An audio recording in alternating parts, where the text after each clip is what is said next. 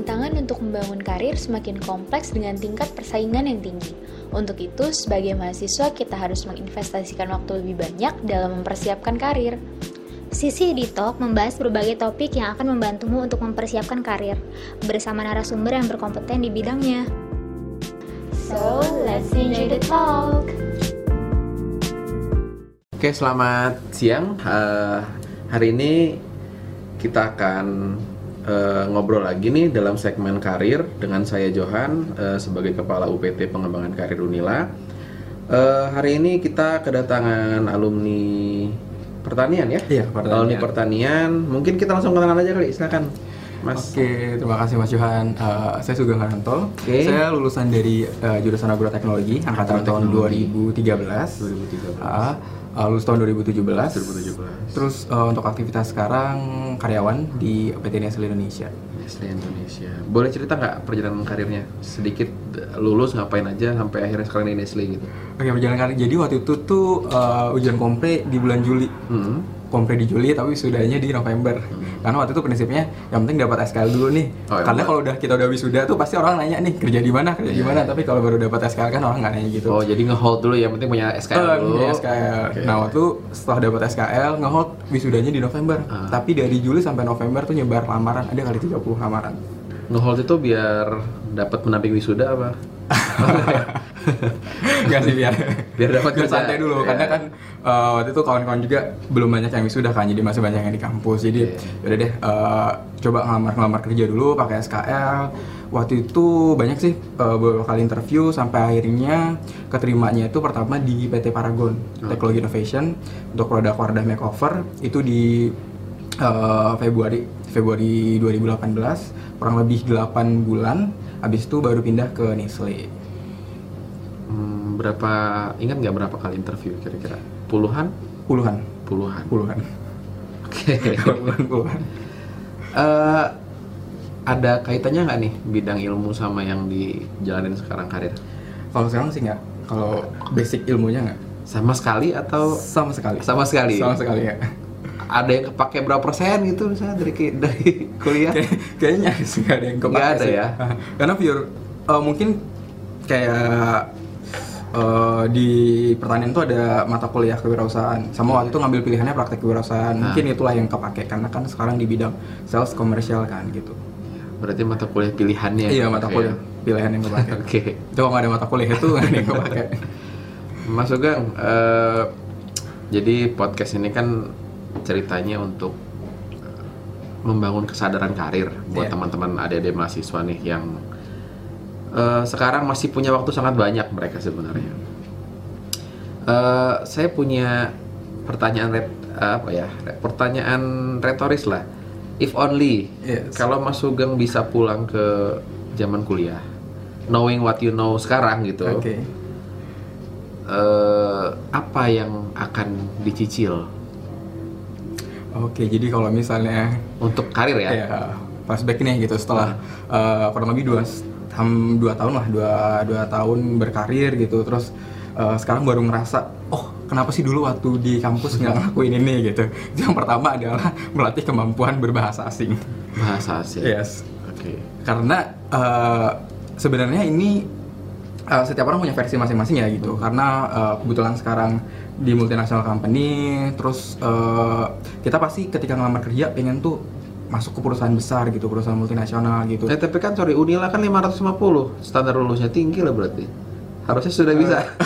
TOEFL kan 550 kan? iya cuman kan untuk bisa lebih ini lagi Speakingnya eh, mungkin eh, ya. sebenarnya lebih kemampuan vocab karena kalau misalnya itu kan grammar Ah. belum tentu nih kita jago grammarnya tapi ternyata waktu diajak conversation karena kita nggak biasa terlatih kita justru nggak bisa jawab apa apa gitu nah jadi eh, salah satu itu kemampuan bahasa Inggris karena terutama kalau misalnya kita mau masuk manajemen tren di suatu perusahaan multinasional ya itu bahasa Inggris jadi penting banget karena eh, atasan kita, kadang mentor kita itu juga bukan orang Indonesia gitu. Sedangkan kita harus ngimbangin mereka dong, bukan mereka yang ngimbangin kita gitu. Dan ketika kita berkomunikasi sama native speaker tuh beda banget ketika Iya. kita ngobrol sama orang Indonesia yang ngomong bahasa Inggris biasa.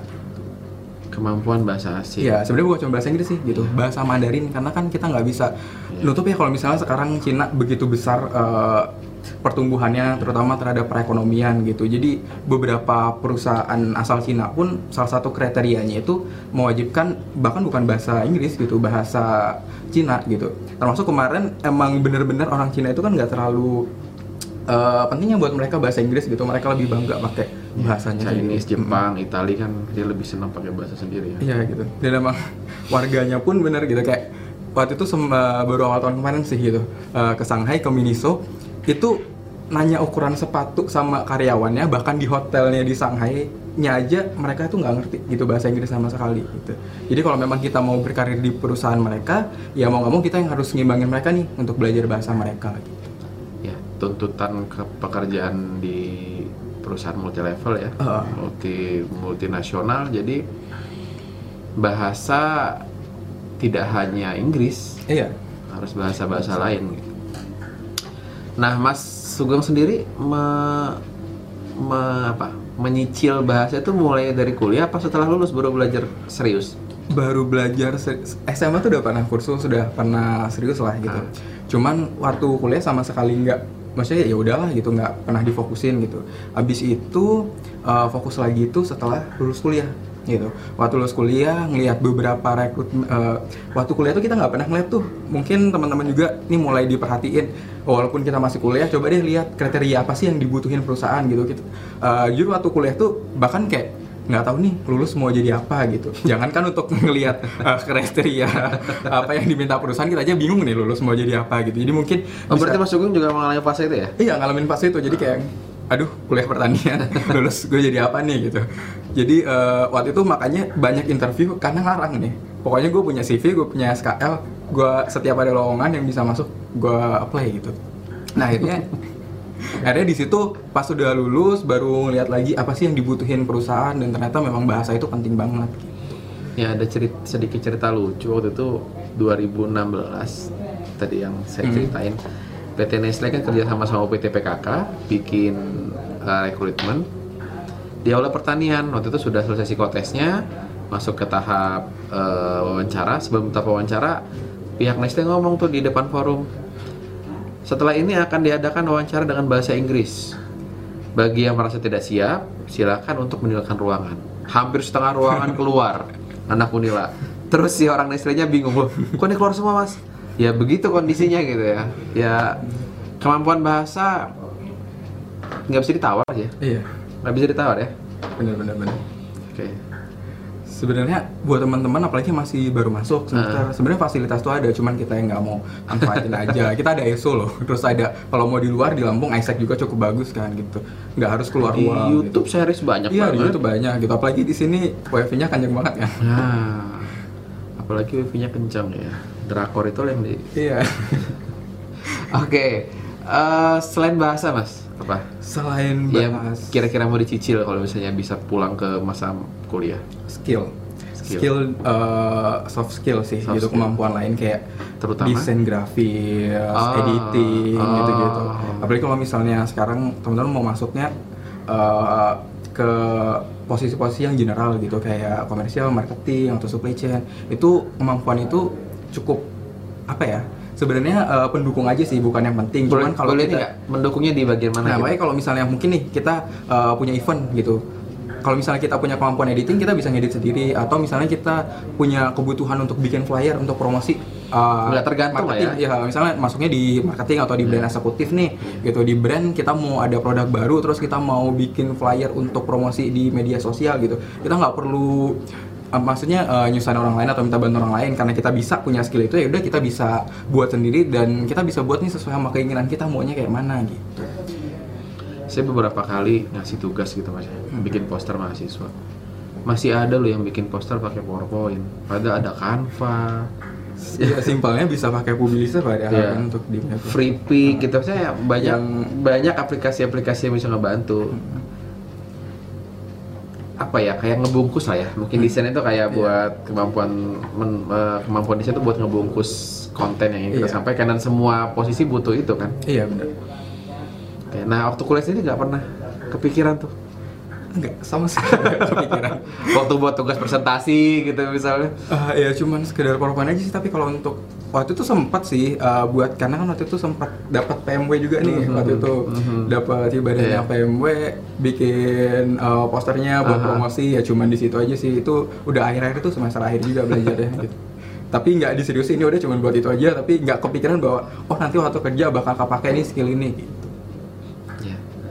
Oke teman-teman, tadi kita tangkap dua poin nih dari Mas Sugeng. Eh, skill yang yang terlihat remeh tapi sangat dibutuhkan dan bisa dicicil ternyata. Kemampuan bahasa dan kemampuan desain dasar lah ya. Iya.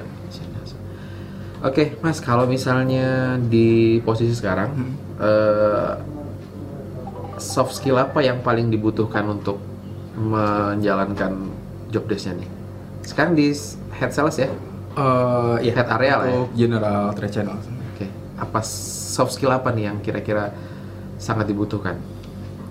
Soft skill yang sangat dibutuhkan itu banyak sih termasuk eh, kemampuan kita komunikasi, Komunikasi. leadership, terus eh, problem solving, terus bargaining power. Itu Itu yang empat empat skill tadi di masa kuliah bisa dicicil nggak sih sebenarnya? bisa banget. Kalau teman-teman itu ikut organisasi itu udah pasti bakal dapet tuh semua skill itu gitu. Karena sebenarnya posisinya sama ketika kita kerja sama kita organisasi. Cuman bedanya mungkin lebih kepada tanggung jawabnya sama tole- ya. eh, profesionalitas sama toleransinya ketika kita ngelakuin kesalahan gitu. Karena kalau misalnya eh, kita kerja kan kita dituntut untuk profesional dan sebisa mungkin untuk perfect kan gitu. Tapi kalau organisasi kan wadah kita untuk belajar. Jadi organisasi itu mininya pekerjaan lah ya, trial iya. pekerjaan. Tapi sayangnya gini mas, eh, tren yang ber- berlaku di 2-3 tahun terakhir ini organisasi sepi, sepi peminat. udah kayak jurusan Iya benar, sepi peminat.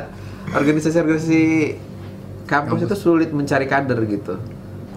Padahal itu penting banget sih, termasuk gini sih, kalau misalnya apalagi untuk fresh grad, teman-teman tuh lulus, kalau misalnya cuma ngandelin IPK, ngandelin nilai, semua juga Bisa. punya gitu. Semua lulusan tuh pasti punya IPK sama punya ijazah, punya transkrip gitu. Tapi belum tentu semua orang tuh uh, punya pengalaman organisasi. Nah nanti akan sulitnya adalah setelah teman-teman interview. Nggak mungkin HR itu apalagi temen, uh, apalagi yang apply-nya nggak sesuai nggak linear nih sama jurusannya. Terus uh, HR itu mau nanya apa kalau nggak tentang apa yang kalian aktivitas apa yang dilakuin kan waktu di kuliah gitu. Akhirnya akan bingung sendiri gitu. Mas dulu ikut organisasi apa? Dulu waktu di uh, Unila ikut komunitas integritas, ikut hima jurusan sama BEM fakultas. Itu aja masih kerasa kurang ya? Itu Waktu masih kerasa pas kerja ya? Iya, kerasa kurang kayak Kenapa dulu cuma ikutnya yang di kampus aja sih, ngapa nggak coba yang di luar kampus gitu? Kenapa harus uh, nyaman aja gitu, nggak coba, Nggak coba keluar gitu? Iya. Soft skill soft skill tadi eh, itu masuk ke skill soft skill yang memang dibutuhkan di apa 4.0 sekarang ya. Terutama kayak apa namanya problem solving. Iya.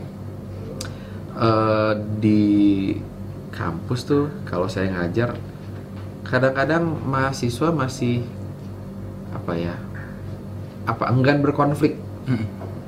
enggan berkonflik jadi udahlah cari aman cari masalah. nggak mau cari masalah gitu bisa ya. Eh, bahwa sebenarnya konflik itu penting kan untuk dikelola ya. Untuk di, belajar kita kelola gitu.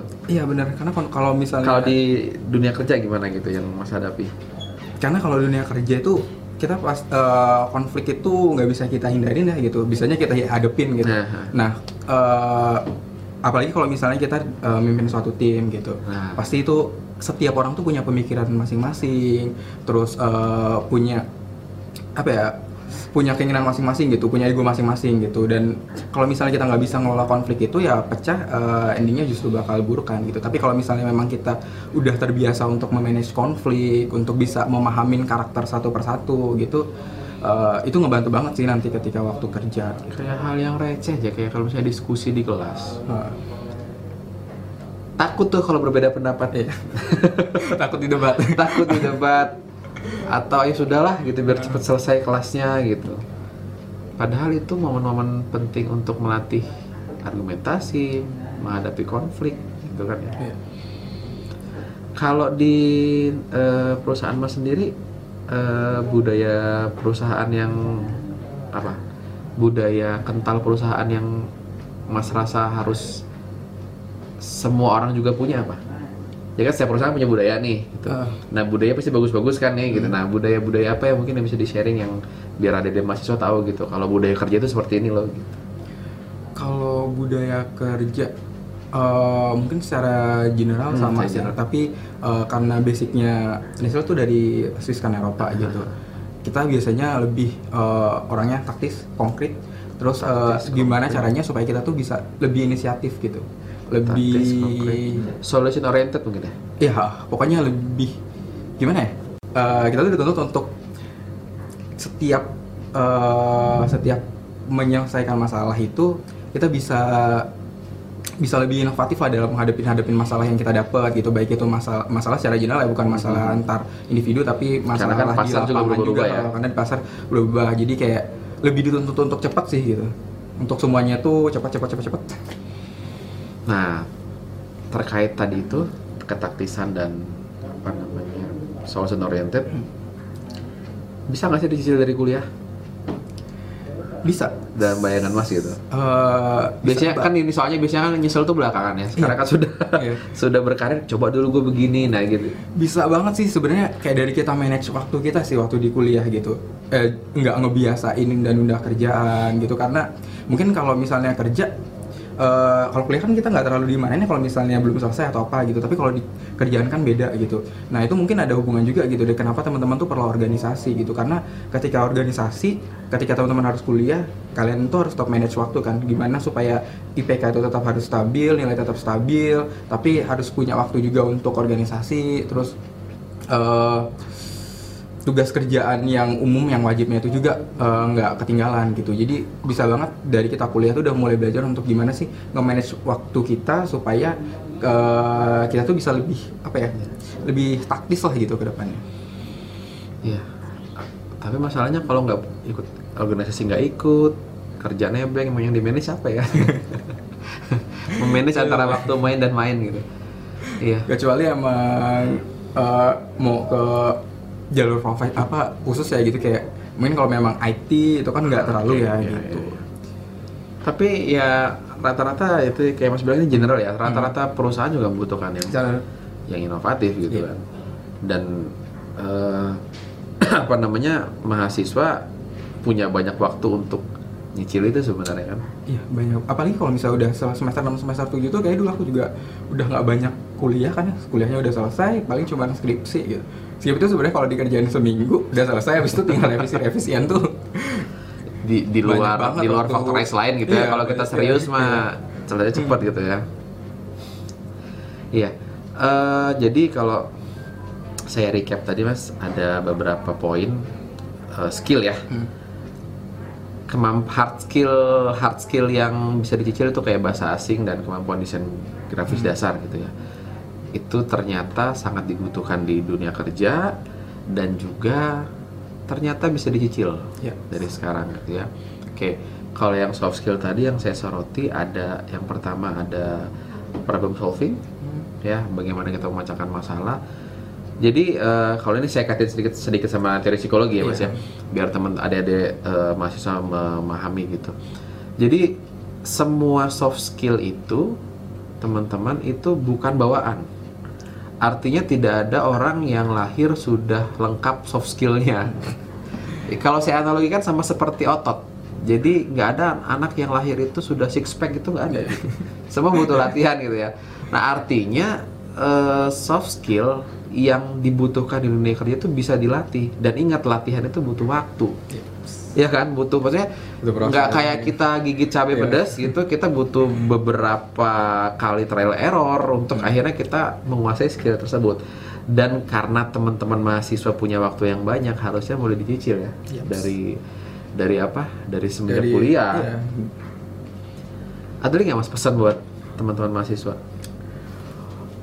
Mungkin buat teman eh, terutama yang masih baru masuk gitu Iya. atau mungkin yang kayak mana nih, aduh udah terlanjur, udah lulus, udah nggak ikut organisasi, nggak improve eh, kemampuan bahasa Inggris gitu. Sebenarnya teman-teman masih bisa, masih banyak peluang gitu. Banyak kok perusahaan-perusahaan yang eh, nerima eh, yang mau magang atau organisasi-organisasi di luar kampus yang komunitas-komunitas yang juga walaupun teman-teman itu udah lulus, eh, teman-teman bisa masuk ke sana untuk nggak ada yang telat sih gitu Upgrade skill ya, untuk upgrade hmm, skill. jadi nggak ada yang telat walaupun udah udah lulus sambil nunggu dapat kerjaan ya teman-teman bisa manfaatin waktu luangnya ke sana. Karena pasti nanti waktu interview juga akan ditanya nih gitu. Selama jeda dari dulu sampai sekarang ngapain aja aktivitasnya gitu. Kalau misalnya teman-teman nggak ada aktivitas yang positif juga nggak ada yang bisa di sharing gitu saat interview. Mentok yang dijual panitiaan Iya. panitia apa? Panitia ospek.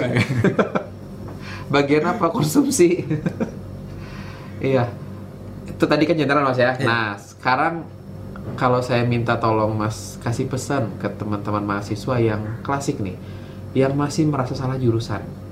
Nah kalau kita lihat portofolio mas kan agak beda nih antara jurusan sama pekerjaan. Ada pesan nggak khusus buat mereka yang masih merasa salah jurusan pesannya kalau udah terlanjur nih udah nganggur ya. Mau nggak mau kita harus renang gitu. Kita nggak bisa diem terus merenungi gitu. Jadi nggak masalah sih gitu. Teman-teman yang penting tahu nih eh, kira-kira plannya atau harapannya ke depannya apa gitu. Kalau misalnya memang cuma mau kerja di perusahaan gitu. Sekarang itu banyak banget posisi yang general gitu. Jadi nggak harus dulu kayak aku pertanian buktinya bisa masuk ke sales department gitu. Eh, beberapa teman juga bisa masuk ke marketing bisa masuk ke supply chain gitu. Jadi yang penting teman-teman fokus terus eh, tahu nih apa yang harus eh, dilakukan untuk meningkatin soft skill sama hard skill teman-teman semua. Karena sebenarnya kuliah juga kan kita cuma ngebentuk cara berpikir kita sih. Gimana eh, membangun pola pikir kita gitu selama kuliah gitu. Karena kayak tadi kalau ditanya ilmu apa yang dipa- eh, yang di- bisa diterapin waktu di kerjaan tuh nggak ada sebenarnya gitu tapi kemampuan kita waktu eh, di kuliah kayak kita dikasih soal kita mecahin masalah itu nah kemampuan kemampuan kayak gitu sebenarnya yang dipakai lebih kepada eh, soft skill kita yang dapat Iya. Eh, eh sedikit ya sebelum closing. Sebenarnya kan kalau mau jeli teman-teman Ah. mahasiswa yang melihat nih mas, semua entry point kebanyakan di sosmed itu dari marketing kan. iya Bank juga Iya. sekarang jarang yang ngeluarin ODP gitu jarang. Ya dari dari sales semua dulu. Iya. Jadi ibaratnya mereka mau bikin seleksi alam gitu. Hmm. Kalau kamu survive di marketing, kamu akan survive di divisi-divisi lain gitu kan dan ketika dia dari marketing berarti dia kenal lapangan gitu. Nah, sayangnya saya, saya pernah survei. Jadi anak Unila itu masih ada gengsi untuk marketing.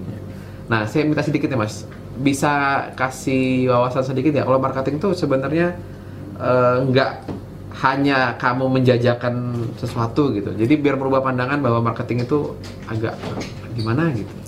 Jadi eh, sebenarnya biasanya tuh yang salah paham adalah sales sama marketing. Ah. Nah kalau sales itu kit- atau komersial kita lebih fokus pada penjualan. Target kita adalah penjualan. Nah kalau marketing target kita itu adalah bagaimana kita bisa mening- eh, meningkatkan brand image eh, suatu produk kita di masyarakat. Artinya eh, demand create lah untuk eh, meningkatkan permintaan terhadap produk itu di masyarakat gitu. Nah sebenarnya sales itu nggak melulu kita langsung jual produk ya apalagi yang teman-teman S1 nih kuliah gitu pasti posisinya beda gitu. Walaupun nyampe yang paling head head of nasional atau head of zone head of dunia kalau misalnya dia eh, fokus pada penjualan pasti tetap namanya sales gitu. Sebenarnya teman-teman nggak tahu nih sales ini salesnya yang seperti apa gitu. Udah denger sales udah langsung Ah jualan nih. Iya udah pokoknya udah image udah jelek aja gitu. Nggak dikulik dulu nih salesnya nih posisinya apa gitu. Terus tanggung jawabnya seperti apa gitu. Ya, karena masih ada stigma, aduh jualan nih. Iya keliling-keliling bawa barang gitu kan sales itu gitu yang suka rumah door to door gitu Iya. Itu saya karena saya perhatikan kebanyakan entry levelnya pasti marketing. Apalagi mohon maaf untuk yang jurusan-jurusan yang general ya. Iya. Kalau dia seperti IT kan sudah jelas Iya. jalurnya gitu Iya. kan ya. Nah, masalahnya untuk yang general ini kebanyakan entry levelnya sales, eh, sales dan marketing gitu.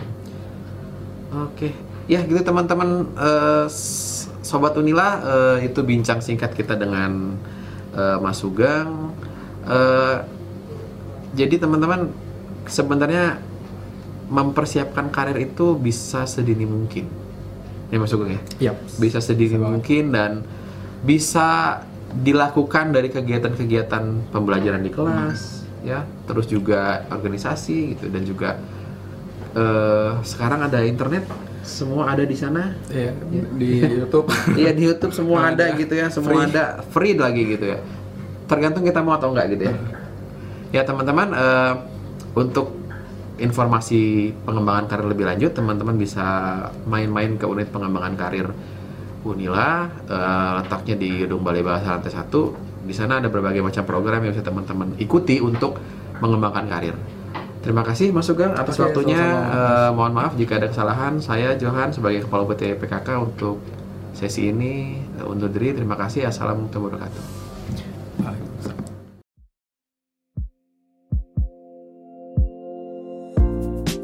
Gimana? Apakah sudah mendapat wawasan baru tentang karir? Sampai ketemu di episode Sisi di Talk selanjutnya ya.